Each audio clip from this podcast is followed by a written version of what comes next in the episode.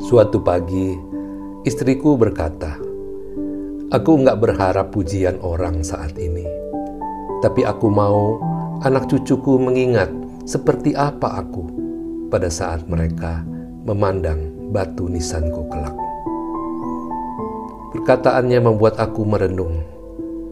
Benar, kata hatiku, sebab pujian akan berakhir bersamaan dengan tiadanya kita tetapi kenangan yang baik dan benar yang kita tinggalkan akan abadi sepanjang masa.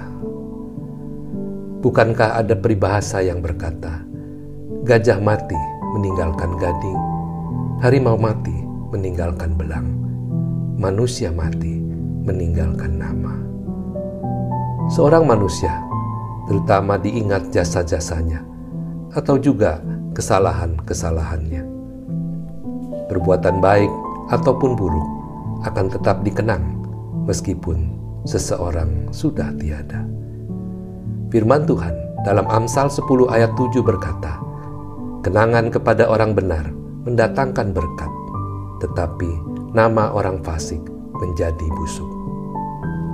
Kehidupan mempunyai batasannya, bukan cuma umur, bukan juga kesehatan. Sebab ada yang sehat tiba-tiba dipanggil pulang. Ada juga yang masih muda, tetapi harus lebih dahulu menghadapnya. Lalu, kenangan apa yang bisa kita tinggalkan bagi anak cucu kita kelak? 2 Tawarik 26 ayat 4 berkata, Ia melakukan apa yang benar di mata Tuhan, tepat seperti yang dilakukan Amazia ayahnya.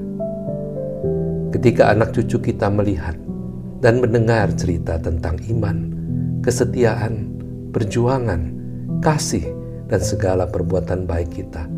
Itulah warisan terbaik yang bisa kita tinggalkan bagi mereka kelak. Setiap orang punya ceritanya masing-masing dalam melukis kehidupannya.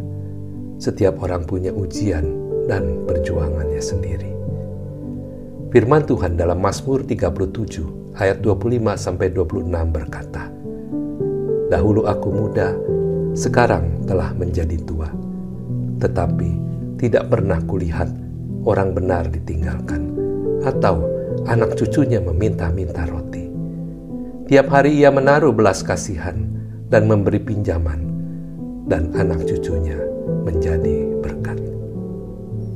Saudara, Warisan apa yang bisa kita tinggalkan bagi anak cucu kita kelak?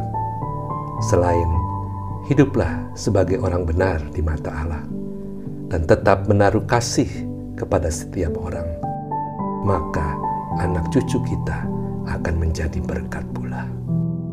Amin.